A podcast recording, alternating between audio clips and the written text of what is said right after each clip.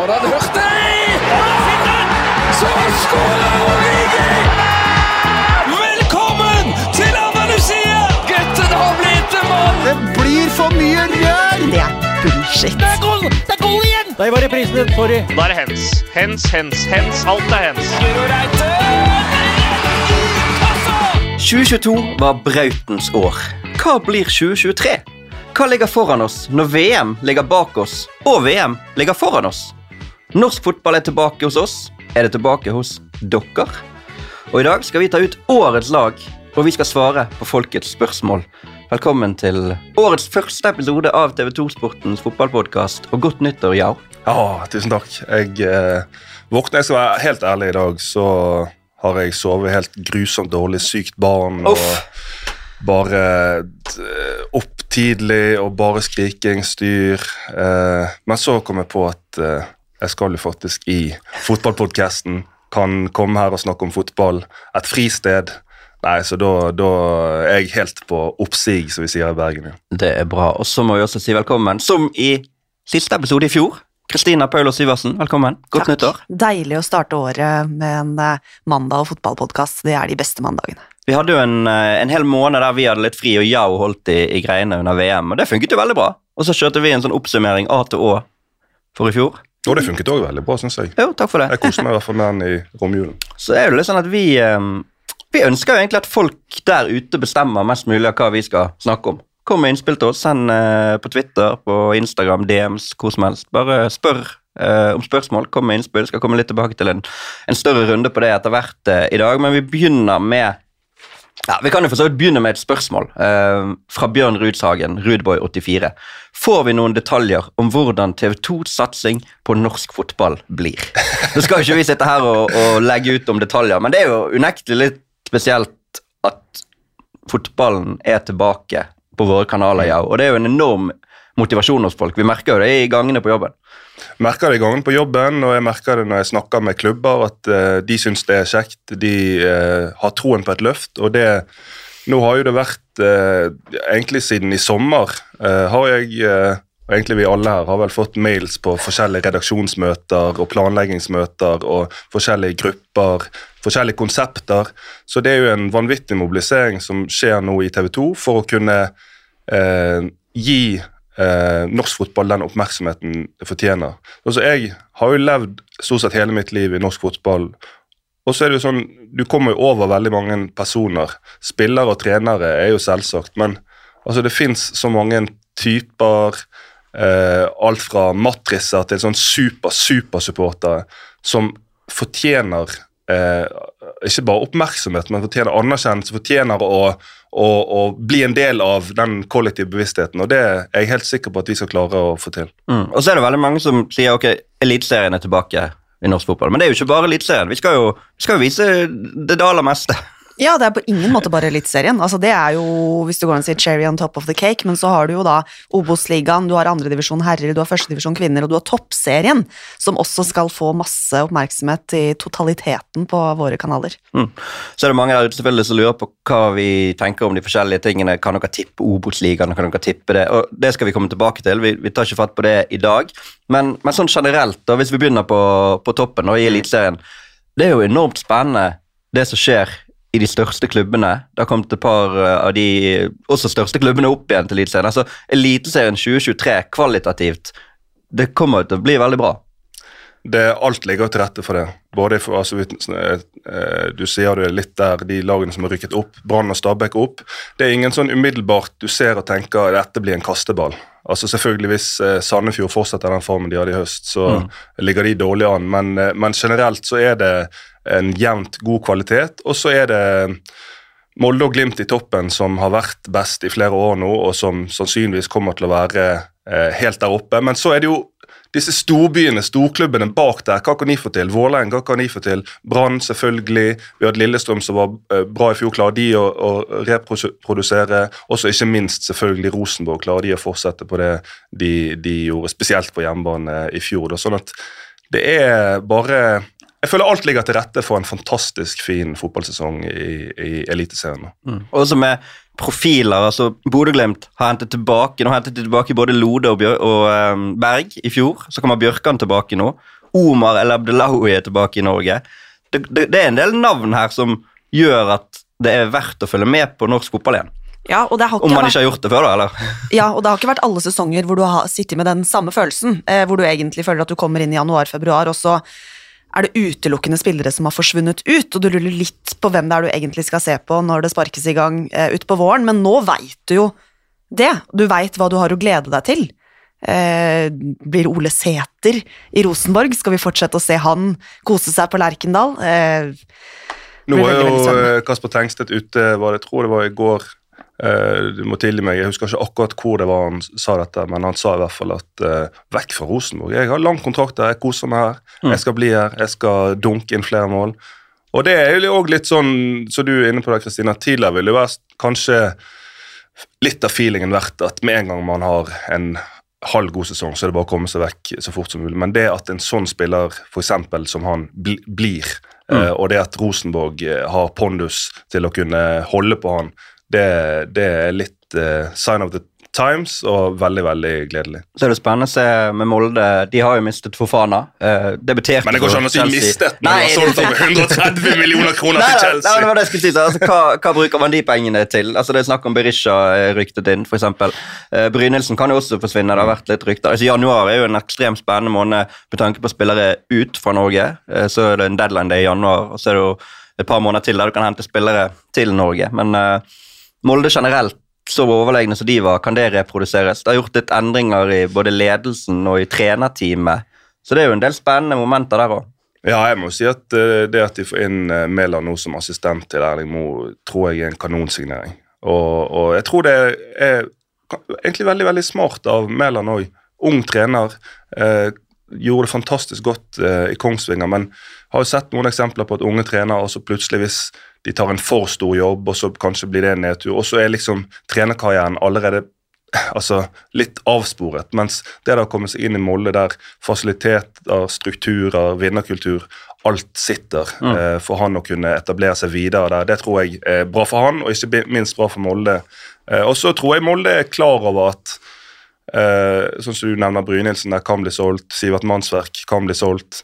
Jeg tror de er klar over at det å gjenprodusere fjorårssesongen, eh, spesielt i forhold til poeng og avstand ned til eh, alle de andre, det er en voksen, om ikke umulig oppgave. Sånn at jeg tror de er litt realistiske på at de skal treffe veldig veldig godt med deler av de forfanerpengene for å, for å komme i nærheten av det igjen. Og så er en ting er jo fornyelse, men du har jo da fjernet en kontinuitetsbærer som Børre Stensli i miljøet. Det er jo ikke bare bare å gjøre det heller. og Det kan jo slå feil ut, man vet jo aldri. Plutselig, Det, det er ikke eh, større kvalitativ forskjell på disse beste lagene at hvis Molde detter noen prosent, så, så er de andre lagene helt der med en gang.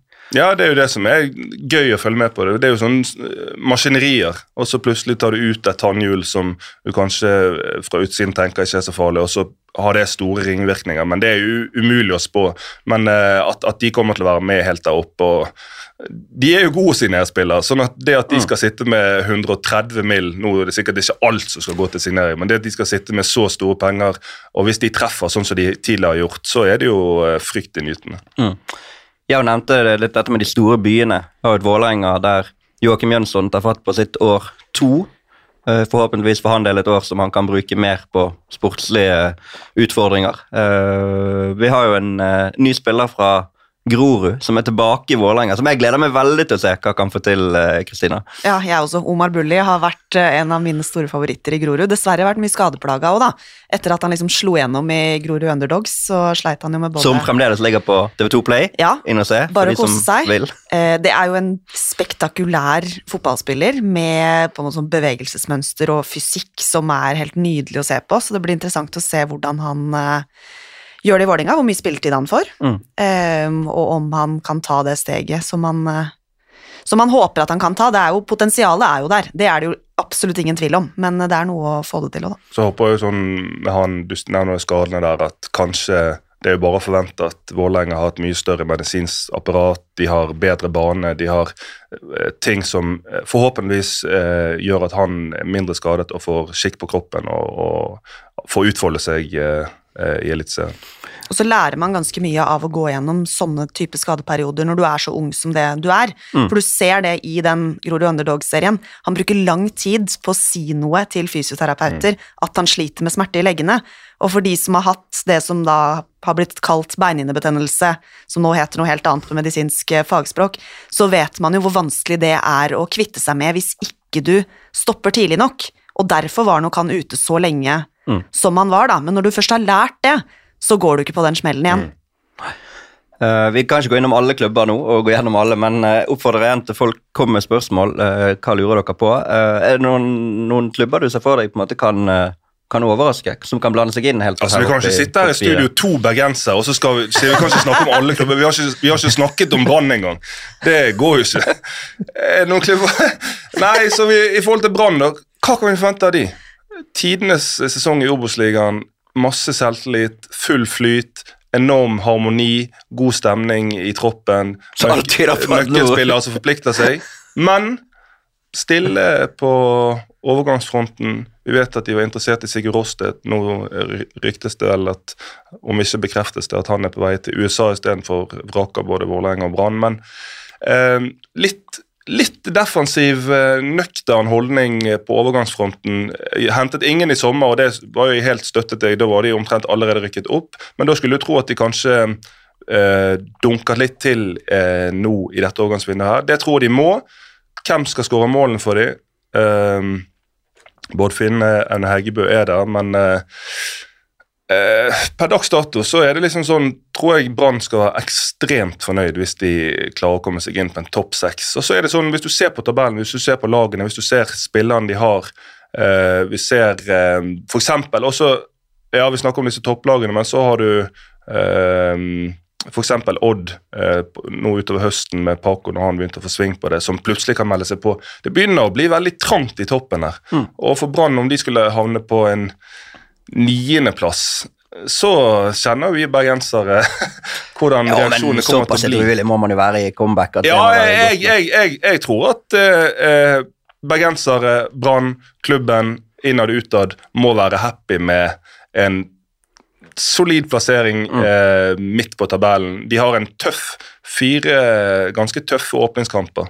Så, og hvis de, de åpner hjemme mot Haugesund Hvis de eh, ikke får den pangstarten der, det kommer til å være fullsatt der, eh, så er det I tredje runde er det Brann Vålerenga, og så eh, Om jeg ikke husker helt feil, så tror jeg de skal spille bort mot Er det Glimt i fjerde? De har i hvert fall en steintøff sånn åpning. Og da går jo Ja, litt sånn der mareritt eh, tilbake igjen til eh, når de rykket ned, og de, Ja, de fikk den katastrofestarten. Sånn at eh, jeg er veldig, veldig spent på Brann. Så du nevnte, Odd. Uh, Odd og for så vidt også Sarpsborg var jo sammen med Molde de beste lagene på høsten i fjor. Mm. Siste ti kampene var de tre lagene de eneste som hadde over to poeng i snitt. Molde hadde jo tre, de vant jo alle ti. Men, uh, og Sarpsborg hentet jo, fikk jo en pressemelding i dag. Jeppe Andersen, tidligere Hammarby-kaptein. Kaptein tre år på rad i Hammarby før i fjor. Eh, danske som 30 år gammel, liksom sånn knallhard dansk midtbanespiller. Oi! De har jo lykkes før i Sarpsborg med ja, De har hentet mye, da, men de har jo vist at de har noe å, å by på på markedet når det handler om Ja, men den identifisere. eh, Du er skeptisk til den? Nei, ikke- men i Sarpsborg, den eh, De serverer jo pølse i vaffel. Og det som gjorde at, de var, at den pølsen var så god i, i fjor høst, var jo at de hadde Heinz ketchup på. Men nå er Tobias Heinz Han er, han er ikke der lenger. Og da, eh, og når i tillegg Saletros ikke er der heller, så tror jeg det, det er to fantastisk gode fotballspillere som var ekstremt gode for Sarpsborg, ekstremt viktig. Jeg tror um, det blir vanskelig å, å leve opp til den høsten uten de to. For å snakke toppserie, Kristina. Der var jo det et lag som i fjor, og for så vidt året før, da de var Sandviken, men så ble Brann, eh, var best. Overlegent best, egentlig. Men det er ikke bare å gjenprodusere det. Apropos eh, stjerner som forsvinner ut. eh, det er jo knapt en spiller igjen fra det laget som eh, akkurat tok gull. Nå kom jo nyheten i går at Svava Ros Gudmundsdottir også kommer til å forlate Brann. Kommer ikke til å forlenge kontrakten, eller hun ønsker ikke å forlenge kontrakten, sånn jeg tolka det. Så der må det gjøres en jobb. De har ikke henta så mye inn ennå, men vi får vel håpe at Olli Harder og hans nye sportssjef Alexander Olsen jobber aktivt. Det er jo også stor sjanse for at Lisa Nålsund forsvinner fra det laget før eh, Ja, og Da snakker du en sentrallinje med både Tuva Hansen og Guro Bergsvann til utlandet. Bayern München og, og Brighton. Hvis Lisa Nålsund forsvinner, også til utlandet, og en spiss ut, da må hun eh, Signe Gaupseth virkelig levere i sitt uh, ja, Hun blir vel ikke myndig i år heller, kanskje, men uh, i sitt første år som i hermetegn voksen fotballspiller. Det blir veldig spennende å, å se. Men uh, satsingen er jo der, og vi får jo håpe at måte, det legger et godt fundament. Og har jo henta inn to islendinger nå, som er ganske voksne og rutinerte begge to, uten at jeg kjenner så veldig godt til de. Men de er vel henta inn for å gi mer robusthet til dette laget, da. Mm. Men jeg, per nå så er det helt umulig å si hvordan dette brannlaget kommer til å gjøre det i toppserien 2023. Og så er det jo Rosenborg, Vålerenga, som er i hvert fall antatt de lagene som kommer til å utfordre de mest. Og eh, det, det er jo litt som vi sa om Molde. Du skal ikke droppe mange prosentene før det er ganske jevnbyrdig der. Og det så vi jo med LSK kvinner i fjor, for de droppa for mange prosent og røyk, eller altså havna da i det nedrykkssluttspillet. Men der har du et lag som har hatt et veldig, veldig godt overgangsvindu så langt, blant annet fått hjem igjen Thea Kyvåg, som bare er 18 år gammel, men som var veldig, veldig god i England for Westham nå i høst, men hun blei bare i, i fem måneder. Var ganske overraskende når vi så nyheten om at hun skulle tilbake igjen, men eh, jeg tror man glemmer hvor ung hun er, for hun slo gjennom i LSK allerede som 16-åring. Eh, var kjempegod igjen til 19-EM i fjor sommer, og tenkte vel sikkert at da prøver jeg sjansen i utlandet når en klubb som Westham kommer på banen. Men så var det kanskje litt tidlig, da. Reise ut og Så det var bedre å komme hjem igjen og, og bygge seg litt eh, opp igjen. Men det mest spennende med toppserien nå per eh, 9. januar 2023 er jo hvordan den skal se ut. Altså, hvordan skal det spilles? Det vet vi ikke ennå. Nei, det vet vi ikke. Det håper vi at eh, vi kanskje får en indikasjon eller svar på i løpet av de neste par eh, ukene. Mm. Eh, Det bør vi jo, eh, fordi at det er vanskelig å forberede seg for både journalister og mediefolk og supportere og, og spillere, for den saks skyld, til en serie når du ikke aner hva som er første seriekamp, eller hvordan denne sesongen skal se ut. Men det ligger noen, eh, noen forslag på bordet fra denne seriekomiteen, eller hva det heter, eh, på hvordan det skal se ut. Det blir ikke likt som i fjor. Men eh, det ligger vel an sånn at enten så blir det en, en form for trippelserie, de kjører videre med ti lag, men at alle møtes da tre ganger, og så blir det trekning på hvem som får bort-hjemmefordel eh, i den tredje runden.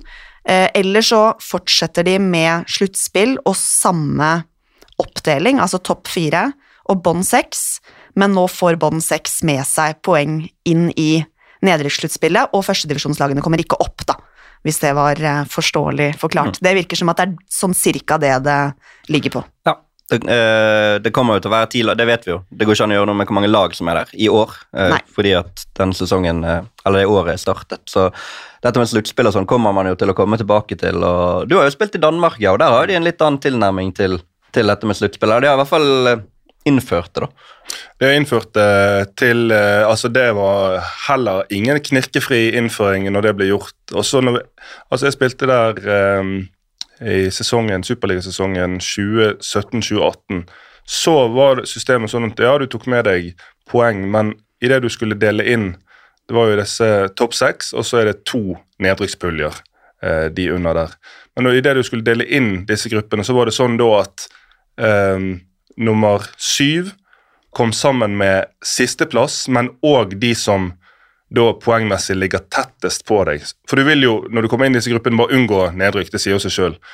Men sånn at det faktisk var verre å komme på syvendeplass enn åttendeplass. Derfor Vi lå på eh, Vi lå på syvendeplass. Um, og så hadde vi uh, Sønderjyske, som da skulle spille en kamp mot Midtjylland, som de kastet. De tapte med vilje. Folk kan gå inn og se video på YouTube. De slapp inn de mest latterlige målene. De hadde en spiss Dette ble jo stor, det ble politisak i Danmark. Alle sønderjyske spillerne var inne til avhør. Det var en sønderjyske spiller som hadde sendt, eh, som er kompis med en som spilte i Hobro, da, hadde sendt bilde, eller sendt snap til han På, og Da var vi på vei hjem fra kamp. Vi òg sendte snap til han. Gøy å komme inn. Og han hadde skåret og fått kjeft for det. Gøy å komme inn og få beskjed om at du ikke skal skåre. Han er spiss, da. Og så skårte han. Sendte snap, og så satt denne spilleren vår tilfeldigvis ved siden av sportssjefen vår. Sportssjefen vår så, så det. Jeg tror det ble tatt et screenshot. Og ble en politisak.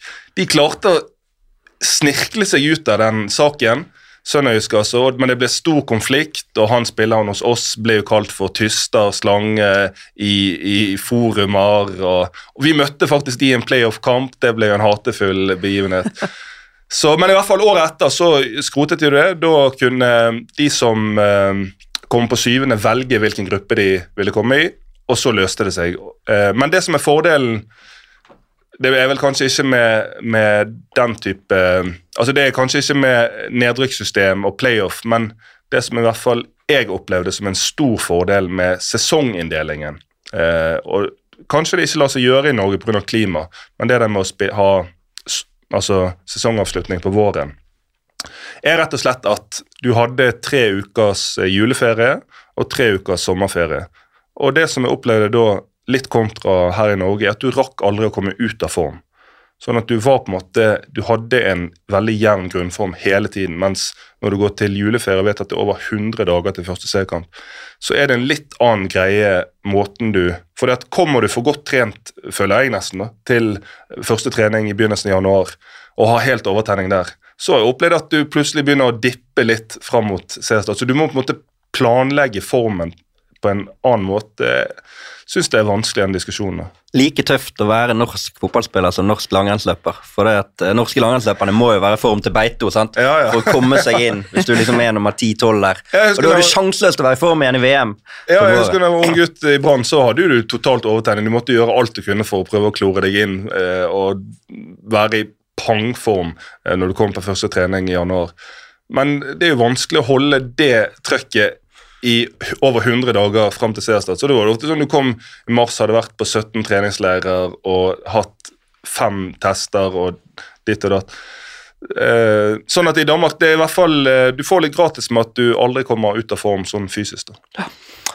Det er veldig bra. Da har vi vært innom litt av ting som ligger foran oss. Eh, nå skal vi innom noe som ligger bak oss, og vi skal faktisk uh, introdusere årets første spalte.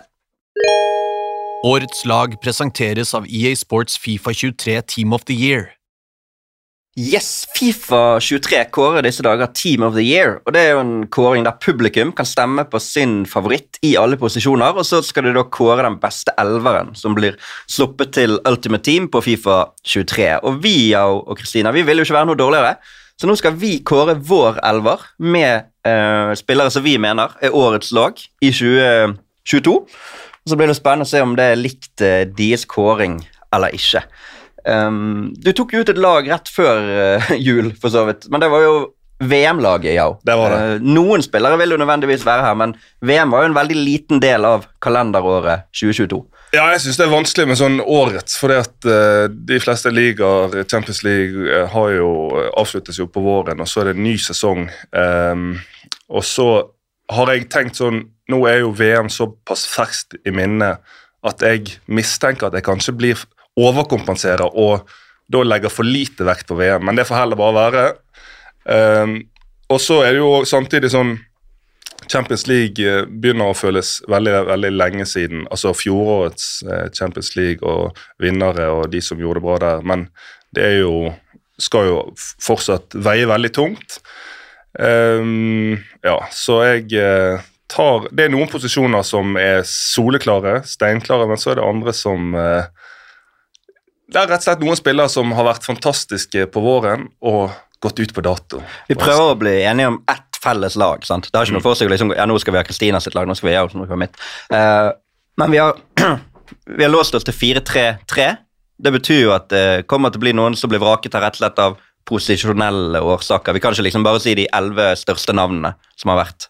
Men det må jo være greit? Ja, det må være greit. Vi må forholde oss til uh, hva man ville gjort hvis man faktisk skulle sendt disse spillerne ut på en fotballbane og spilt en kamp òg, da. Ikke bare vært uh, stjerner på et papir. Ser for meg at noen trenere kanskje kunne funnet plass til fire spisser. Så ja. man, hvis man hadde hatt den poolen av spillere her og Ja, jeg jeg, er jo veldig tilbøyelig til å tvinge inn det, da, men eh, Nei, vi gjør ikke det. Vi må ned på tre.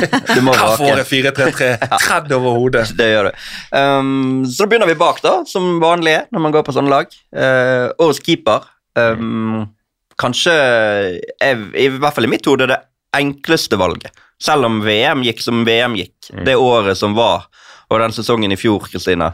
Det var ikke mange keepere som var bedre enn han som vant det han kunne vinne. Nei, jeg jo sitt. tenker det at Thibaut Courtois eh, Det skal mye til for at eh, ikke vi setter han på det laget, tenker jeg.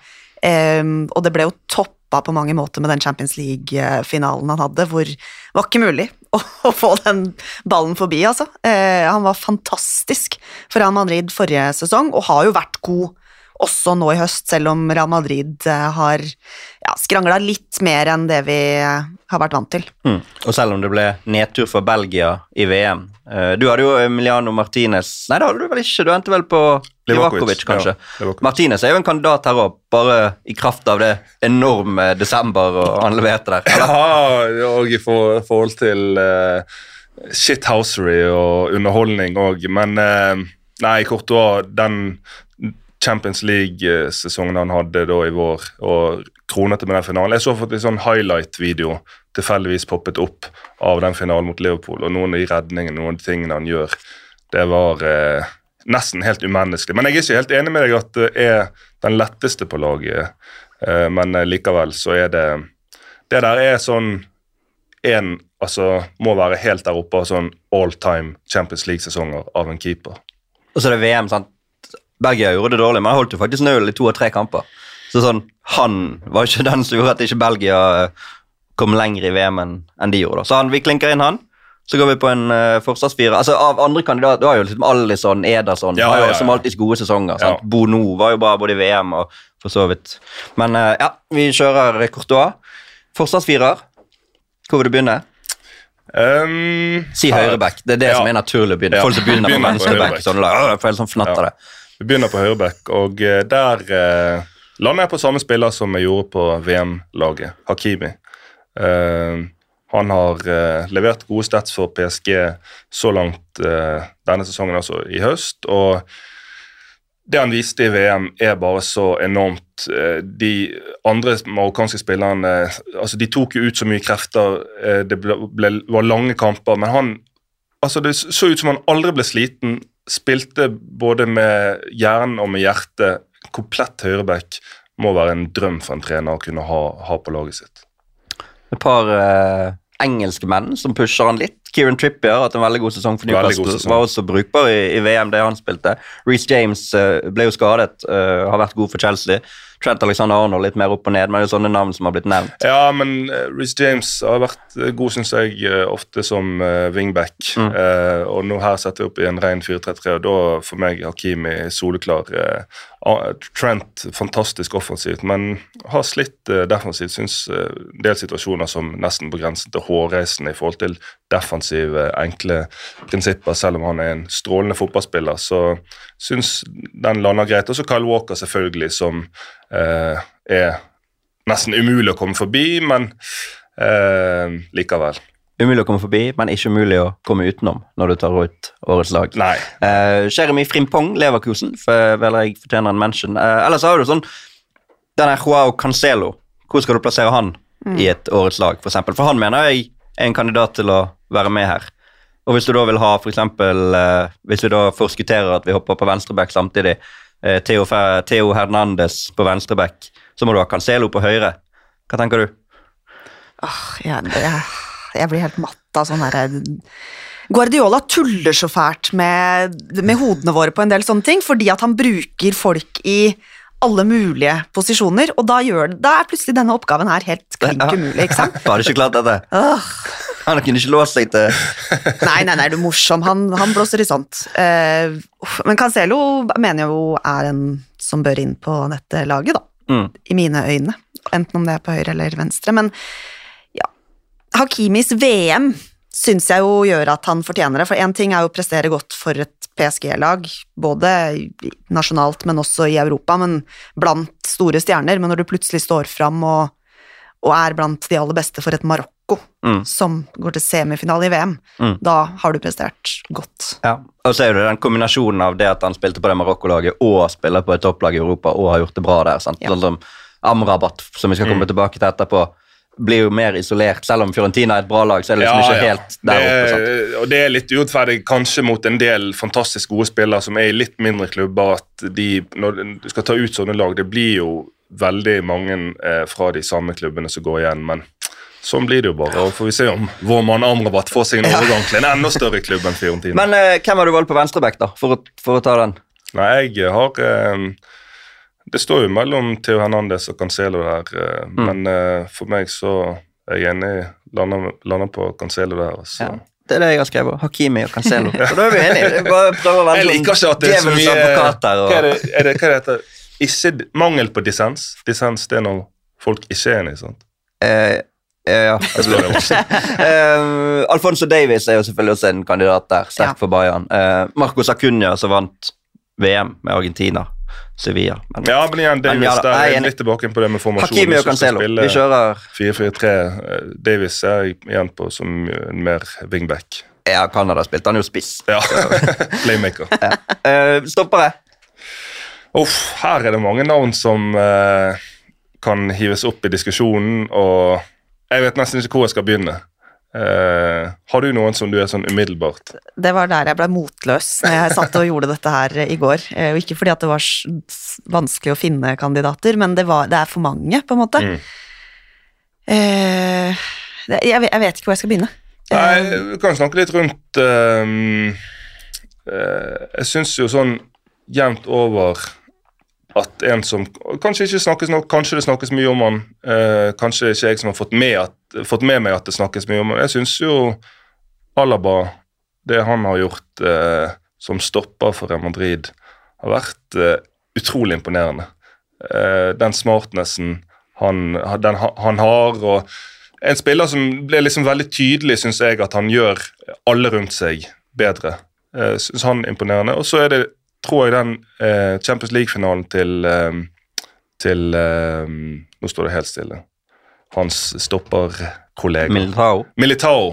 Det er noe av det sykeste prestasjonen jeg har sett av en stopper. Og det å gjøre det i en finale, men om det skal være nok til å komme med på dette laget, det, det, det tror jeg ikke. Men jeg ville bare nevne den prestasjonen han gjør i den finalen, som er så outstanding. Eh, men eh, jeg tror jeg lander på Alaba. Og så syns jeg personlig at eh, Ruben Diaz, fantastisk solid midtstopper, syns han er vanskelig å komme ut utenom fordi at han er god på såpass mye. Um, Van Dijk fantast, altså, ekstremt god i vår. En viktig grunn til at vi satt her og tenkte kan de ta kvadruppelen. Men uh, i likhet med Liverpool uh, uh, vært ikke svakt, men dabbet kraftig av i høst. og Det er jo naturlig å tro, eh, stille seg spørsmål om han noen gang kommer til å komme tilbake igjen på sitt aller beste nivå. Men jeg syns han var solid for Nederland. Jeg synes at han eh, eh, Den prestasjonen hans i VM var veldig, veldig god, egentlig. Mm. Og skadet igjen nå, så blir det spennende å se hvordan Liverpool klarer seg uten han neste måned. Det er jo mange navn. altså De som skal stemme inne på Ultimate Team der. Du har Marquinhos, Tiago Silva Ja, må- en, Eh, en shout ja. eh, Her må jo du være enig med litt sånn kanskje hjerte i Spurs, men uh, Romero, eh, når han da går, går og vinner uh, VM, lager du et sånn highlight reel av hans VM, hans Måten han bryter foran ofte. Eh, den våren han hadde for Tottenham som en nøkkel til at de klarte å sikre seg Champions League, så syns jeg han òg fortjener å nevnes. seg. Samtidig er han veldig sånn Når ikke Tottenham funker, så, og han, da blir det bare for Ja, og- Og, altså, kunne vært utvist etter et kvarter forrige kamp. Nå i det altså, siste ja. har jo Tottenham Men jo da, han er jo en kandidat. Uh, Koulibaly, selv om han ikke har vært så god i Chelsea som han kunne ha trodd. han, Otamendi. Han, Guardiol, selvfølgelig. Ja, Guardiol, selvfølgelig. Eh, Salzburg også bra. Tomori, veldig bra for eh, Milan. De vant ligaen der. Kondé, i hvert fall kanskje før han kom til Barcelona. Altså, sånn, det er noen navn som er i miksen her, da, men uh, Upamecano, Niklas Syle, som har vært bra i Tyskland. Men altså, jeg Igjen, jeg har jo skrevet Ruben Diaz og Alaba på min lapp. Ja. Og det var jo de du endte opp med, var ikke det? Jo, det var de jeg endte opp med. Ja.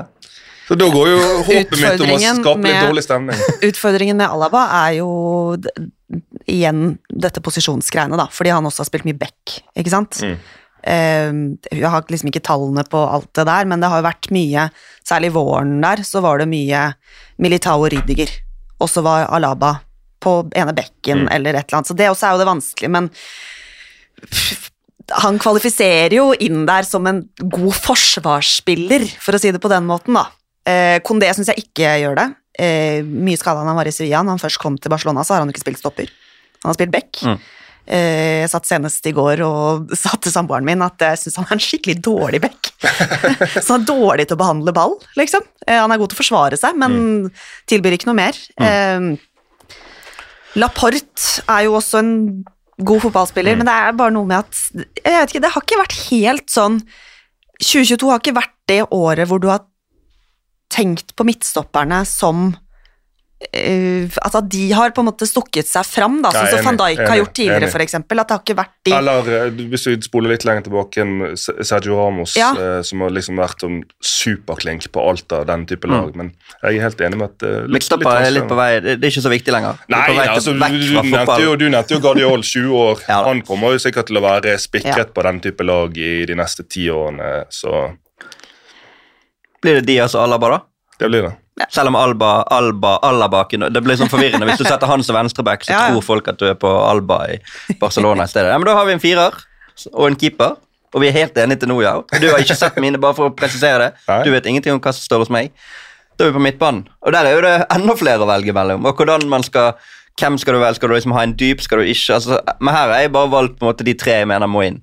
Ja, men uh, du har jo fått uh, 4-3-3 presset nedover hodet her, og her har jeg skrevet litt sånn parentes. Jeg syns jo den her var egentlig ganske enkel for min del, da, men hvis det skal være 4-3-3 um, Selv om jeg har egentlig lyst til å hive ut på et sånn hodeløst offensivt lag for å få med alle de spillerne jeg vil ha med, men det får vi diskutere når vi kommer lenger frem i banen. Men uh, den tri trioen som jeg har satt opp, det er to spillere som har vunnet mye for Real Madrid opp igjennom.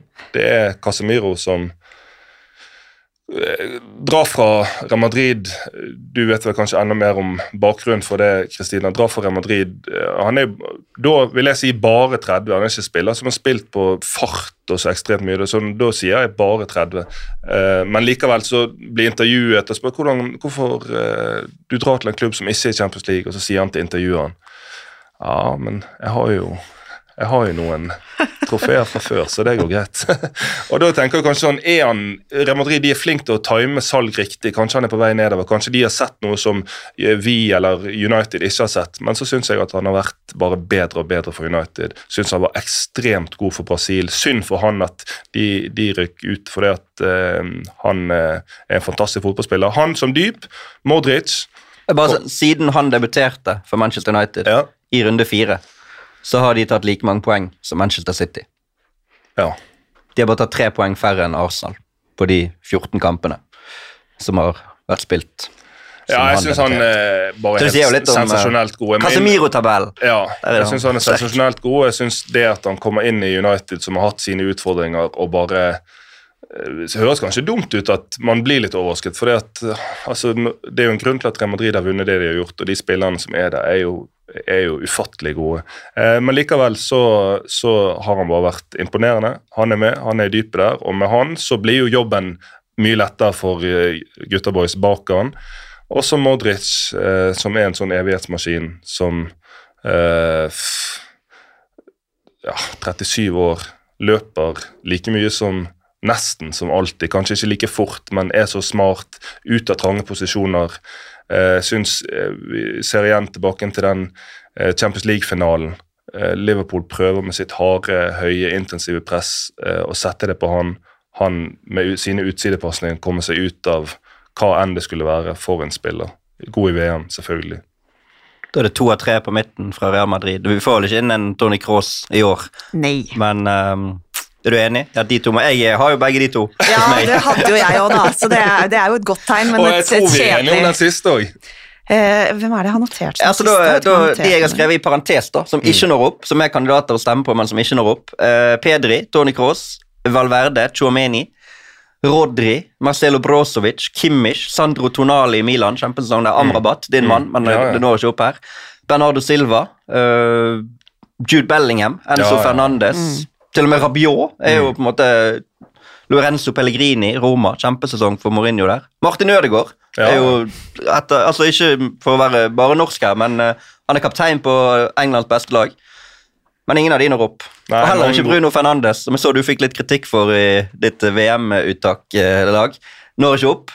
Nei, uh, og mange gode shots der, men da sier det seg sjøl at det er selvfølgelig Kevin De Bruyne som uh, er på sistemann på midtbanen her. Og noen, mange, eh, få vil i hvert fall mene at han er kanskje tidenes beste midtbanespiller i Premier League. Han er bare sensasjonelt god. Et svakt VM eh, for han og for Belgia, for så vidt, men det spiller ingen rolle. Alle vet hva han står for, og han skal selvfølgelig inn på dette laget. Jeg vil slenge inn eh, joker her. Eh, Antoine Griezmann, Mm. som jo nå har blitt indreløper. Eh, og var fantastisk for Frankrike og vært fantastisk for Atletico etter at de løste den knuta med at han ikke kunne spille mer enn 28 minutter per kamp. Eh, han òg mener jeg er i diskusjonen her. Og så bare for, på det med Griezmann, så syns jeg eh, spillere som klarer å jeg vet ikke hva det norske ordet for reinvent themselves, altså gjenoppfinne seg sjøl eller finne en ny vei, finne en ny måte å spille på, det, det syns jeg er litt undervurdert hvor vanskelig det er. Vi så Ronaldos altså Han har jo slitt veldig med det, eh, selv om han er selvfølgelig litt eldre enn Griezmann. Men eh, det sier litt om fotballintelligens, det sier litt om forståelse av spillet, rett og slett. At en spiller som Griezmann kan gå inn i en ganske ny rolle og løse den på verdensklassenivå. Men da er vi enige om åtte av åtte til nå, uten at vi har sett på hverandre. Det er jo litt gøy. For det er jo mange å velge mellom. Ja, og Eh, så, og så er det tre to- navn igjen, da. Ja, og to av Og der vil du egentlig ha inn fire. tre er- Ja, der eh, vil jeg egentlig ha inn fire, da. Så, og to av de tre Minst. er jo gitt. Eh, Det er jo ikke så mye vits å diskutere. Skal ikke jeg gjøre det kjedeligere, men både Messi og Mbappé er liksom Jeg er ikke enig i det. Er ikke du det? Nei. Å, endelig! endelig! Ja, nei, jeg er ikke enig i det. Uh, altså, Messi er klink. Ja. Det er jeg helt enig i. Eh, men jeg mener Benzema er jo mer klink enn Mbappé, uh, ut ifra det året vi har bak oss. Og da er jo vurderingen Haaland mot Mbappé. I mitt hode Det er er vurderingen- er Haaland mot Benzema, Ja, Benzema eller eventuelt. Haaland, hvis du, kan, hvis du kunne ha Ja, to men har han tidenes år? Ja, Fordi han har ikke vært så god i høst. jo, men det, det han gjorde våren 2022, Ja, ja, ja. er bedre enn noe andre noen har Fordi prestert har noensinne i Champions League. Mye skada i høst, som også gjorde at VM røyk. Mm. Det er lett å på en måte Ja, Men det viktigste i 2022 er det er kanskje VM, da. Hvis Mbappé hadde vunnet VM, skulle han heller fått noe Nå blunket altså, jeg til han må slå skåre på hat trick i finalen. Nei, altså, her eh, tror jeg du kommer til å få ultraslakt. For det at eh, Messi og Mbappé Det er jo sånn, Hvem er det du ville hatt på laget ditt? Skulle Haaland. Ja, det er et unikum, det er jo ja, da, ingen Haaland som- Ja, men, men, men, jeg, jeg, jeg, kan si Ja da, jeg kan, jeg kan si det at uh, den Champions League-sesongen til uh, Benzema Toppskårer Nations League, toppskårer Premier At de da vinner Uh, og den Champions League-sesongen til Benzema det er den mest legendariske Champions League-sesongen til noen spiller som jeg har sett, i hvert fall. Uh, men, uh, som du er litt inne på her Hvis du skulle sette opp et lag, hvem er det du ville hatt på laget? Jeg må innrømme jeg, Ja, men det er ikke det du skal sette opp. Du skal sette opp eh, Ja da, det vet jeg. Og derfor har jeg satt opp Benzema på topp. Men hvis, men, men, mens hvis spørsmålet hadde vært hvem ville jeg hatt på laget, så hadde jeg eh, PT byttet eh, Benzema med Haaland. For det at Og nå har vi til og med KDB, det brødene på laget. Vi vet hva relasjon de har. Eh, Messi sine fremspill til en Haaland i bakrom. Det er jo bare å drømme om. Men eh, jeg havna på Benzema ut ifra at han presterte tidenes Champions League-sesong av en enkeltspiller. Også Messi og Mbappé de eh, viste i VM hva de er. Messi er ikke vits å diskutere. Historiens, tidenes aller beste spiller. Noe annet mener jeg er romantikk, sentimentalitet, nostalgi. Um, og Mbappé er, er um, ja, den neste, da. Ja, jo, jo. Altså, han er, altså, jeg, jeg er med på at Mbappé Altså, jo da, han, jo, han er toppskårer i liga og han er enorm i VM. Men da, er det- da er det Haaland som må ut. Det er ikke Benzema. Nei, det er Haaland som må ut, ja. Så da er det Haaland sin høst opp mot Benzema sin vår du vurderer, da. Altså, jeg mener det, den Mm. Benzema sin eksepsjonelle vår vår topper Haaland sin høst. Ja. i eh, viktighet, i, i tyngde, i på en måte hva det betyr for et lag, da. Det er jo tross alt eh, et lagspill, dette her, selv om vi liksom vurderer individuelt her nå. Det Benzema gjorde våren 2022 versus det Haaland har gjort høsten 2023, er ja, det er no-brainer, da. Enig i det. Ja, altså, jeg er jo enig i det. Altså, men jeg mener jo at Messi Messi Jeg var ikke så jeg vil, heller, diskutere, jeg vil heller diskutere kantspillerne her. Du vil heller ta ut Messi? Eh, Jeg sier ikke hvem jeg nødvendigvis vil ta ut, men jeg mener at det finnes andre kandidater der som også Enn disse? Enn disse, ja. Den ene heter Venicius Junior. Da, da må du vrake to av disse. Ja, men jeg, bare, det bare, jeg sier ikke at jeg skal vrake noen, jeg bare Nei, vil ja, ja. ha med folk i Ja. Jeg kan nevne Lewandowski, Sala Altså Det er jo folk som har hatt enorme årer. Mm. Mané, frem til han ble skadet. The Potato Vinner Afrikamesterskapet. Ja, jo, men sant, altså Det er jo en haug med folk som har hatt store sesonger, men, men vi kan jo ikke være Joao Felix Nei, ikke Joao Felix. Rafa Leao, mener jeg. Joao Felix Han har vært dårlig. Ja, men Rafa Leao Jeg vet ikke hvorfor jeg sa Joao Felix, men i Milan så de vinner ligaen. Sant? Altså Det er jo folk som har hatt enorme år, men det må jo koke ned til at du må velge tre av disse fire. Må ikke du det? Jo, du må det. Eh, Du må det i denne formasjonen her, og da ender jeg på Messi, Benzema, Mbappé og eh, ja, Hvis du Altså, Mbappé, det han gjør når eh, Han var, riktignok, i likhet med Frankrike, elendig i finalen frem til det var spilt var det 79 minutter. Men det, altså den mentaliteten Jeg er opptatt av mentalitet. De straffene han eh, tar, den mentaliteten han viser der for en såpass ung spiller, for meg er det nesten helt uforståelig. Hva er det disse folkene er lagd av? Eh, samme gjelder for så vidt Messi, måten han bare ruller inn eh, disse straffene. Eh, og så det han gjør på 2-2 der. Det er, sånn, det er sånn øyeblikk som har brent seg inn i min bevissthet. brent seg inn dette. Det er liksom en sånn påminnelse om at når du syns verdensklasse er sånn begrep som bare kastes rundt, men verdensklasse jeg syns det målet og det øyeblikket definerer verdensklasse som en spiller som kan eh, gjøre noe Gjøre hele forskjellen når det er på det aller mest avgjørende. Så da er det Haaland som er ute, da. Ja. Det er det. Ja, ja. Da, da var vi enige ti av elleve. Det er greit. Altså, jeg skjønner det at det er helt sykt å måtte vrake Mbappé, men det er bare, altså, Haaland er liksom et unikum hver gang. Du ler bare når du får opp varsel eller at du ser han skåre mål. For det er bare sånn Å ja, skåret han igjen. Og sånn var det hele he- Fra han liksom kom til Manchester. Og han skåret jo mål for Dortmund også, selv om han jo var litt skadet. Det var ikke sånn han hadde en elendig nei, og så hadde han- Og det han leverte på landslagsnivå Han var toppskårer i Nations League. Det er ikke hans skyld at ikke Norge kom til VM. Nei, helt, helt enig. I hvert fall ikke noe som skjedde i helt- 2022 helt enig som gjorde at han ikke kom til VM. Og så hadde han spilt for City i vår. Kan det hende at eh, han eh, kunne pushet ut Benzema? Det vet vi ikke. Det blir litt spennende. Det kommer jo sånn Fifa-kåring, altså ikke Fifa-spillet, men Fifa-organisasjonen. Fifa The Best Football Awards.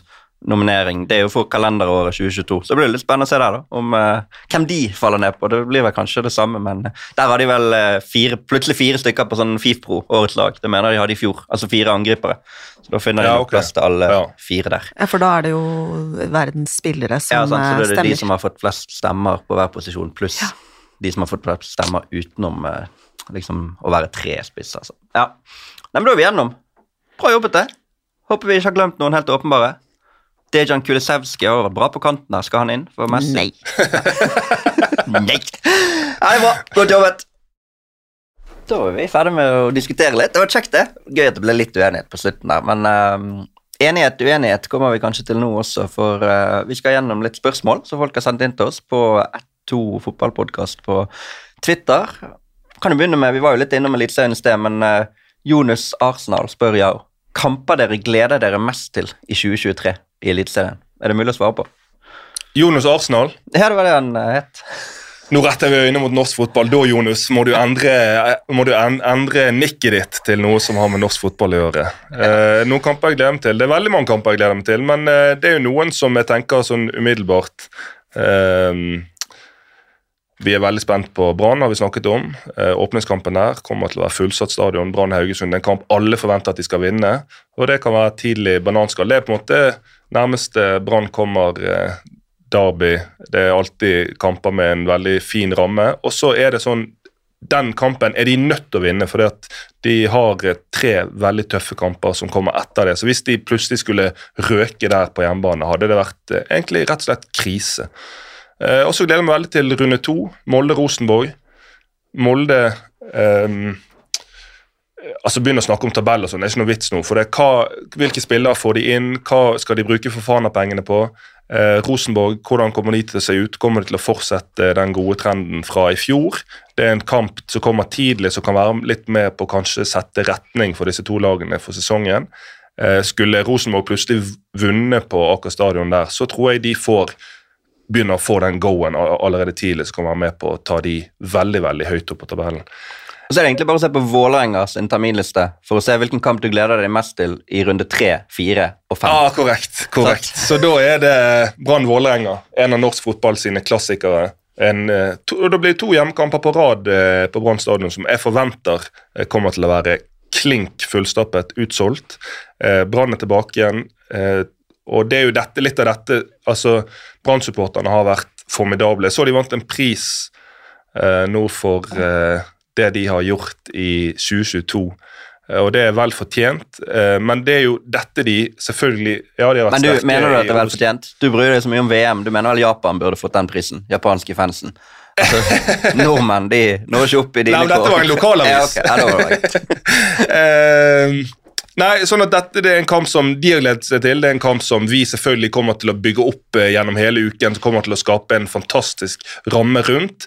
Eh, så den gleder meg til. Og så eh, Vålerenga-Lillestrøm i fjerde runde. Her kommer godbitene, Bob. Slag i slag i slag. Nok en kamp som kommer til å være fullstappet, nok en kamp som kommer til å være ekstremt kok på. Um, og for Vålerenga sin del, um, hjemme der Det igjen hvis vi tenker på tabellen, hvis vi tenker på det sportslige, ufattelig viktig disse kampene her. For det at det setter på en måte retning, det setter stemningen for resten av sesongen. Og så vil jeg bare nevne runde tolv. Det er første eh, kamp mellom eh, de som har vært eh, regjerende siste årene i norsk fotball. Glimt-Molde i Bodø. Um, det er jo sånn at Hvis ett av disse lagene Vi vet, aner jo ikke hvordan tabellen ser ut når vi kommer dit, men hvis ett av lagene feier det andre av banen, så og så 24. runde. Ikke helt på tampen, men etter det er det da blir det seks kamper igjen. Uh, motsatt oppgjør Molde-Glimt. Og også Vålerenga-Brann, faktisk. Oh, den runden. Ja. Bare glede seg til uh, slutten av uh, midten av oktober. Nei da, vi kan glede oss til mye før det. Men uh, da har vi kommet gjennom noen kamper, i hvert fall. Folk spør jo mye forskjellig. Ruben, Ruben André Nordvik, Rub Nord, Kristina, sier Åsane fotball damer hvordan kan de komme seg til toppen i toppserien neste sesong? Flere viktige spillere har signert forlengelse av kontrakt, deriblant Savannah Duffy og Katarina Sunde. Altså Komme seg til toppen av toppserien er jo kanskje urealistisk allerede i år, men uh, de er nå i hvert fall i toppserien. Ja, og så tenker jeg at Hvis vi hadde sittet på svaret uh, på det, så hadde vi ikke sittet her. Da, sånn sett. Uh, og da hadde det vært andre som hadde spurt også. det er jo Jeg tenker jo at Eh, det de må gjøre, er jo å bare bygge videre på det de har, eh, har gjort. Bygge kontinuitet. Kjempebra og da få forlenga med såpass viktige spillere som har vært en del av den spillergruppa. De har vel henta inn en del uh, også nytt. Du har fått over noen fra Arna Bjørnar, blant mm. annet. Eh, og det er jo en klubb og en organisasjon som virker veldig robust, med et veldig bra anlegg. Eh, masse... Etter, må jo være et av Norges flotteste etter hvert, det anlegget de har fått seg. Definitivt. Mm. Sponset av Trond Moen.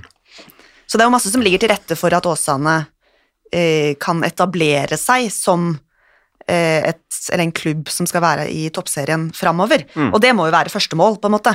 Og så har de jo fått en på en måte forsmak på toppserien allerede all den tid. Det er jo en av fordelene med det systemet som var forrige sesong, at de som kommer opp, har kjent på nivået. Og de har slått Avaldsnes. De så Kolbotn, det var jo medvirkende til at Kolbotn rykket ned. Spilte uavgjort mot Arna Bjørnar. Så de er, jo, de er jo sannsynligvis ikke veldig langt unna nivået til de litt svakere lagene i toppserien allerede. Nei, og det er jo et lag som har vært vært gode og stabilt øverst i førstedivisjon over mange år. Mm. Det eh, har jo ikke vært så vanlig. Det har vært ekstreme svingninger i, i førstedivisjon. Du har hatt liksom Gran Bodø, da, som eh, toppa, eller vant førstedivisjon og rykka opp i toppserien for en del år siden, som nå er nede i andredivisjon, ikke sant. Det svinger voldsomt. Klepp. Eh, den type klubber, da. Så det er jo bare det å klare å liksom etablere seg på et visst nivå, gjør jo at du bygger ganske bra for, eh, for fremtiden. Så blir det spennende å se. Tre lag fra Bergen i toppserien. Vi skal masse til Bergen i år. Ta med Anna Bjørnar. De, er- de er Bergen. Når man snakker positivt om Bergen, så er Anna med. Kurt Nilsen, bergenser. Hvis det er et eller annet som skjer ute i Arna du ikke er så bekjent av, så det er jo ikke Bergen. Det er jo helt annet, helt annet enn Bergen. Uh, Martin Salbu spør jeg, hvem er det de to største favorittene til å rykke opp fra Obos-ligaen? Oh, godt spørsmål. Obos-ligaen i år.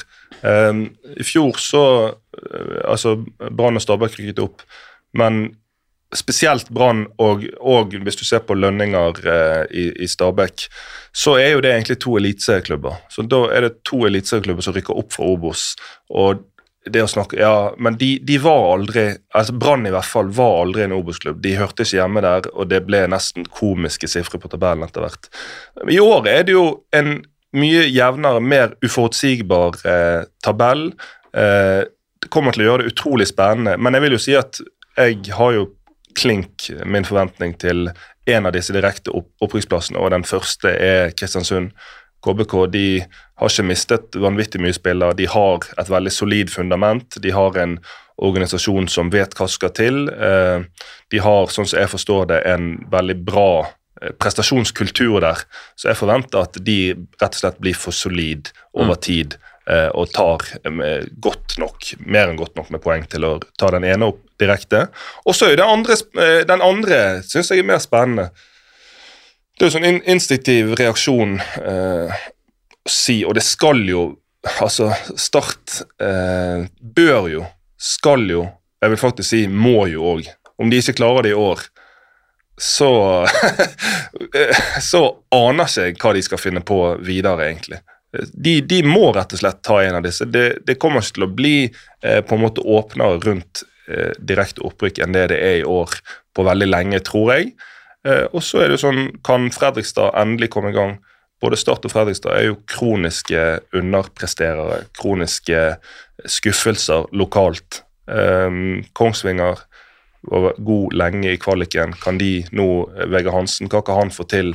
Har trent eh, Mjøndalen hele sin trenerkarriere. Klarer han å gjenskape noe av det han gjorde godt i Mjøndalen utenfor det miljøet? Det er jeg veldig spent på. Um, ja, men jeg tror jeg ender på KBK Start som mine tips. Kristina, Jerv og Moss? Ja. Skeid. Skeid, ja. Kjør Skeid. Skeid kommer Sa, eh, sa, sa. Ja da, Men det er alltid noen som overrasker, sant? og så er det jo, kommer det jo playoff-plasser der òg. Ja da.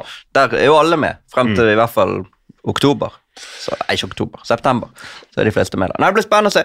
Uh, alt om Obos-ligaen det er en konto som ofte spør oss spørsmål. Um, spør oss når får vi vite mer rundt hvem som blir ekspertene for norsk fotball fremover. Uh, bare tenkte, eh, Vi kan ikke sitte her og si det nå, for det er ikke vårt ansvar å si det, men, men utgangspunktet er jo at alle de som jobber med fotball i TV 2-sporten, skal jobbe med norsk fotball. Ja, Og hvem som jobber med det og det fra runde til runde, kommer jo sikkert til å variere litt. Men du, har jo, du er sikkert en av de ekspertene i Norge som har flest kamper i Obos-ligaen. Ja det, det kan uh, fort ikke, være, men- men uh, jeg eh, Simen har spilt mye Obos. Ja, ja. Men spør, jeg ser jo det er noen spørsmål hvem er det som skal dekke norsk fotball. hvem er det som blir en del av satsingen. Altså Det blir jo alle de som folk forbinder med TV 2. De, Mm. Vi som er her, rett og slett. Eh, og så, når det er snakk om Obos, så har vi fått inn Obos-guruen. Noen vil til og med si Obos-guden, Amund Lutnes. Jeg skal kommentere. Så han, eh, han er òg med, på- med på laget. Skal, tror jeg skal både, jobbe både med Eliteserien og Obos-ligaen. Sånn at um, vi er mange som er veldig klar for å dekke det som er norsk fotball. Og du, Kristine, du har fått et spørsmål. Eller det har ikke du, vi har fått et spørsmål, men det må nesten gå til deg. For du har jo kanskje spilt mot de, om jeg ikke tar helt feil. Eh, Saftkokeredden spør kan det snakke litt om andredivisjon kvinner. Hva lag er størst favoritter i den nye andredivisjonen, og hvor godt kan Sogndal FK damer klare seg? Vi kan starte med Sogndal FK Damer, som jeg fikk æren av å spille mot i første serierunde forrige sesong. Tapte 5-0. Det I Sogndal? Nei, det var eh, hjemme på Rommensletta kunstgress. Burde tapt ti. Ja. et lag med snittalder på 16 år. Jeg var på det tidspunktet 30, så det var jo hyggelig. Um, nei, de, de satser jo veldig, veldig mye i, i Sogndal, og så vet jeg ikke hvor mange de har klart å beholde. Jeg vet jo at vi snakka litt med han ene som var rundt laget der etter eh, kamp sist, for disse jentene løper jo selvfølgelig intervaller etter å ha slått oss eh, 5-0. Det var kjempehyggelig. Eh, og det har vært mye interesse fra type toppserieklubber og førstedivisjonsklubber rundt bergensområdet og sånn for en del av disse jentene, så det er jo litt viktig at de klarer å, å beholde det de skal bygge opp, da. Eh, Men det er nok et av de beste lagene i andredivisjon, eh, som er et helt nytt konsept nå. Eh, de har jo kjørt denne nedkuttingen som de gjorde på herresida eh, rundt tredjedivisjon for en del år siden. Nå har det gått fra å være åtte eller ni avdelinger landsdekkende i andre divisjon, til at nå er det to som er da nasjonale, da. Før så har det vært regionale. Mm. Eh, så fra nesten 100 lag i andre divisjon til nå 24, da. 12 i hver eh, avdeling. Og det, der, denne, det gjør jo at folk må stille litt om hodet når du hører andredivisjon. Eh, eh, altså, det gjør jo at kvaliteten vil jo fort tilsvare det som man tidligere har forbundet med førstedivisjon. Ja. Sånn at når vi da snakker om andredivisjon kvinner om Sogndal, men det vil jo da føre til en helt annen kvalitet. Utvilsomt. Dette er kjempepositivt for eh, hele eh, kvinnefotballen. Eh, fordi man så det den sesongen som var nå, hvor ekstremt store nivåforskjellene er mellom, eller var da, mellom topp og bunn i, eh, i andredivisjon, og det ble veldig sånn forsterka gjennom pandemien, hvor på en måte de beste lagene som kanskje har vært førstedivisjon, eksempel, fikk lov til å trene av at de var under toppfotballprotokollen, mens mitt lag, da, for eksempel, som er en gjeng med hobbyfolk, ikke trente på åtte måneder, ikke sant? Så det var jo store sifre i ganske mange av disse avdelingene. Selv i kvaliken til eh, førstedivisjon, var vel det, hvor eh, Fyllingsdalen endte opp med å, å rykke opp, så var nivåforskjellene kjempestore. Fyllingsdalen vant denne kampen sin 10-0, ikke sant?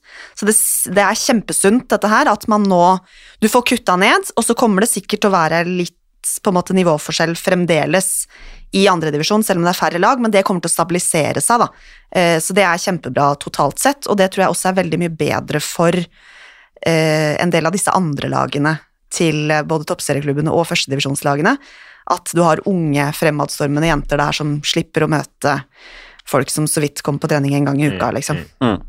Så har du, du har Viking der, du har Molde der. Viking ble jo snytt av Fyllingsdal yep. For opprykk i fjor. Så et par store klubber som også satser på kvinnesiden. Så verdt å følge med på, også det fremover. Uh, vi må snart runde av, men vi kan ta ett spørsmål til, som ikke er norsk fotball, men som er engelsk fotball. Jørn Henland, Henlandi, flink å stille spørsmål. Uh, har dere troen på Frank Lampard som manager? I de klubbene han har vært, har han ikke foreløpig hevet nivået. Uh, han har ikke fått sparken per nå. Kan han, han har fått sparken når denne episoden er ute. Det ryktes jo. Uh, hva tror du, ja? Du har jo fulgt Chelsea tett. Ja. Eh, altså, jeg syns det er Han la opp eh, 2016, og til slutt New York City spilte vel og så la opp, og fikk den trenerjobben i Derby kort tid etterpå, om det var 2017 eller 2018. Gjorde for så vidt en god, god jobb der, men så at han da skal rett til Chelsea eh, bare skuffles inn, eh, sånn som vi sier på engelsk, shoehornes inn i den jobben, som jeg syns det var tydelig at var for tidlig og for stor for han. Eh, og så eh, da videre til Everton. Eh, så er det liksom Jeg er ikke i tvil om at altså, han var jo en genial midtbanespiller. Smart, taktisk, super, eh, briljant midtbanespiller. Men jeg har egentlig ikke så stor tro på at du skal bare skyve for det at Basert utelukkende på spillerkarriere, at du da bare skal skyve disse spillerne rett inn i toppjobber. Jeg tror det der, altså jeg, jeg har jo vanvittig respekt for treneryrket. Jeg tror det er en av verdens for å sette litt på spissen, verdens vanskeligste jobber. Eh, og jeg har egentlig ikke troen på at du og Så kan du si eksempler sånn som Guardiola eller eh, Zidane, men Guardiola var jo i Barcelona i dette systemet. Han var eh, på La Masie, eller han var eh, trener for eh, andrelaget, og der har de en veldig tydelig metodikk som passet godt inn, og han fikk såpass mye støtte, og han var jo nå ute og uttalte at eh, Potter må for tid, fordi at jeg hadde Messi, eh, men hadde det ikke vært for han, hadde jeg trengt tid når jeg tok over. Zidane han var assistent for Ancelotti. Eh, Real Madrid òg er litt spesielt der handler det kanskje om å respekt, og det handler om å holde egoene i sjakk, på en måte. Sånn at Det er litt spesielt òg, men tilbake til Lampard. Så har jeg egentlig ikke tro på at jeg, jeg, tror det er en veldig stor fordel for mange trenere, og det ser du på antall topptrenere som har hatt en spillerkarriere. Men jeg er uenig i at spillerkarrieren eh, skal automatisk gi disse toppjobbene. Eh, for det, det, er ikke noe automatikk i at en god spiller blir en god trener. Eh, og så syns jeg utgangspunktet han arvet etter Benitez i Everton var grusomt. En tropp som du ser på troppen, du aner ikke hva Everton ønsker å få til. Du aner ikke hvilken retning de ønsker å gå spillemessig. Det er litt alt hipp som haps. Eh, men det som jeg reagerer på Lampard, som gjør meg skeptisk, er intervjuer eh, ting som blir sagt De sier at han er vanvittig hardtarbeidende, så at han, kan, at han, kan, bli en god trener, det er ikke i tvil om, men intervjuer det er liksom, Du ønsker å høre hva er det egentlig dere prøver å få til?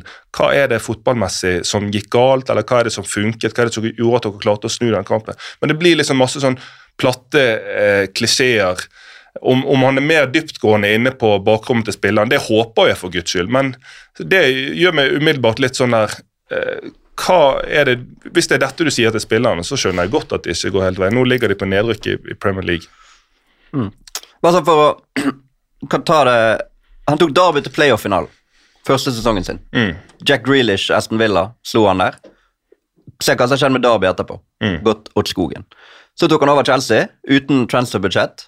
Tok de til Champions League og FA-cupfinale. Første sesongen sin. Ble nummer fire. Mer enn godt nok. Høsten der, 2020 de ledet Premier League på et tidspunkt. Det var utrolig jevnt. da. Det var jo den sesongen Mourinho og Tottenham ledet litt. Mm. Og, men i desember ledet de Premier League. Vant gruppen sin i Champions League. Og så gikk de da åtte kamper, to seire, og så var det ut i januar. Og så Ja, kom Tuchel inn, overtok det han hadde lagt som grunnlag. Som jeg ofte poengterer overfor folk, at eh, det er altfor lett å sage liksom og si ja, se hva han gjorde når han kom inn. Jo, men det var ikke som at de hadde hatt ferie i et halvt år, eller ett og et halvt år med han før. Det, det er jo et grunnlag der i utgangspunktet. De ledet Premier League, og så halvannen måned senere så fikk han sparken. Så tok han over Everton. Jo da, det var skuffende, men som du sa, et elendig utgangspunkt fra Benitez. De reddet plassen, de slo United, de slo Chelsea. De snudde denne kampen mot Palace på slutten når de hjalp som mest. Han fikk liksom ut det beste av de da. Og så har de gjort det for dårlig nå. De har tapt åtte av elleve kamper og fire av de siste seks. eller også er det litt sånn eh, sånn som Jorginho kan, Og det skal aldri ta for god fisk alt som spilles sier. Det kan være personlige grunner, det kan være mange grunner til. Men sånn så han har jo vært ganske tydelig, eh, nesten overraskende tydelig på at Lampard nei, han, han var ikke up for it. Han holdt ikke mål eh, på, det, på dette nivået. Men så er jo Chelsea en klubb som spiser trenere. Vi ser hva som skjer med Potter nå. Sånn at uh, hvor, hvor mye vekt du skal legge på det. Men jeg tror at Lampard kan bli en god trener med den innstillingen, med den arbeidsmoralen han, han har. Alle sier i de klubbene han har vært, han er første inn, siste ut. Det er ikke tvil om, men jeg bare er litt skeptisk. Vi ser uh, nå Gerard gjorde det fantastisk godt i Rangers, men uh, fikk det vanskelig i Aston Villa.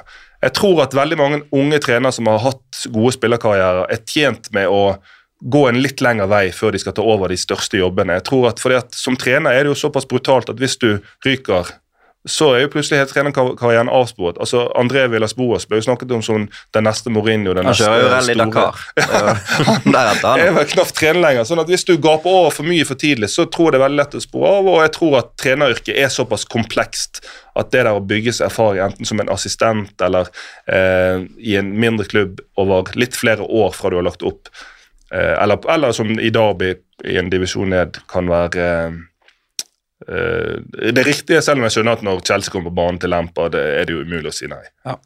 Målet, eller Håpet mitt er at eh, England motbeviser det der at ikke det går an å få Gerard og Lampard sammen til å fungere. Så at de to tar over etter Southgate, etter EM og vinner VM 2026. Det er målet mitt. Kjapt om La Liga, Kristina. Den er jo i gang igjen. Eh, Real Madrid uten spanjoler i startoppstillingen for første gang i historien.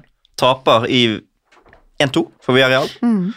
Barcelona reiser til Madrid, slår Atletico Madrid 1-0 og har fått et lite forsprang Ja. på tre poeng. Ja, det var en sterkt av eh, Barcelona, særlig andreomgangen, andre omgangen, hvor de holder unna, fordi der var det et voldsomt kjør fra Atletico Madrid, for å si det sånn. Araujo med redning på strek der, fem minutter på overtid eller noe sånt, tror jeg. Helt eh, vilt. Og så, jeg vet ikke om dere har sett det, men det var jo en sånn nydelig brytekamp der mellom eh, Savic og Ferran Torres. Hvor det skjer liksom litt ute av bildet, så vi fikk ikke helt med oss liksom, hva som skjedde hvis vi satt og så på kampen. Men der ligger de altså, og han ene lugger han andre, og det, ba- det så ut som to niåringer, niårige jenter på barneskolen som hadde begynt å krangle. Eh, han dommeren, helt enorm, bort, rødt, rødt, gå vekk. Bare, Bare kjør. inn og se på TV2.no. Stjernene i vill brytekamp. Ja. Inn og kose seg med den.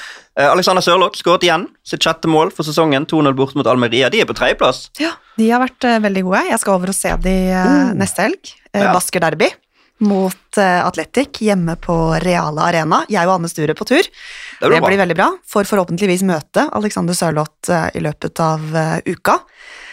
Og det er jo hans da mestskårende sesong i La Liga, Mm. fordi han har toppa det han eh, gjorde i fjor.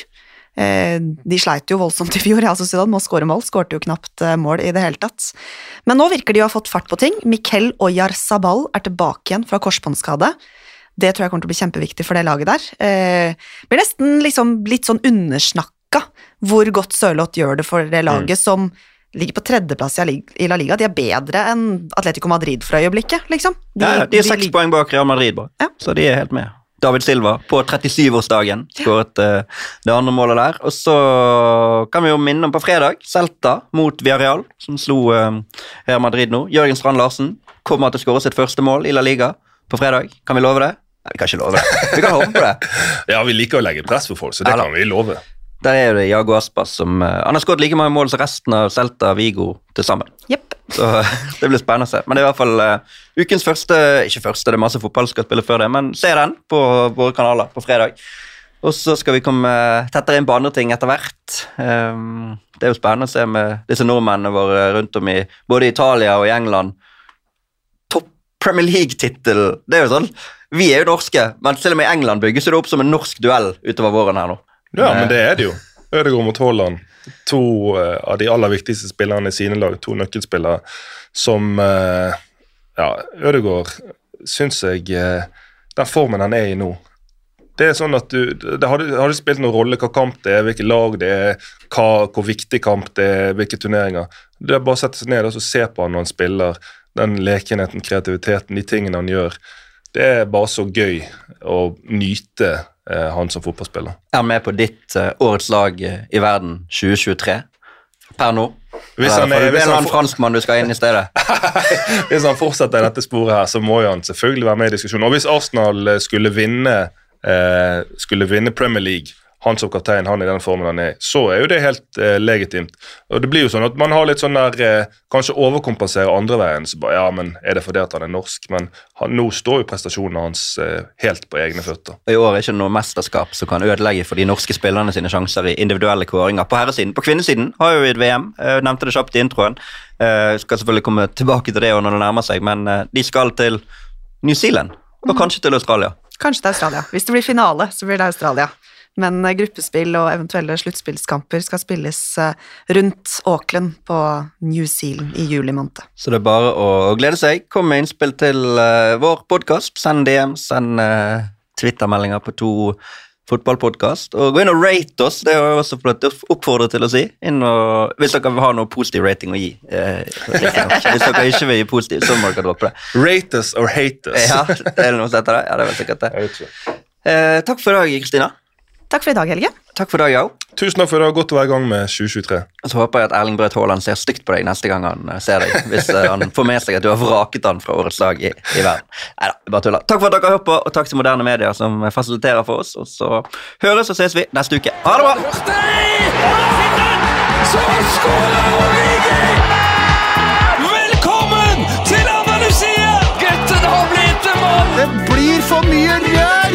Bullshit. Det er goal! Det er goal igjen! Der var reprisen din. Sorry. Da er det hens. Hens, hens, hens. Alt er hens.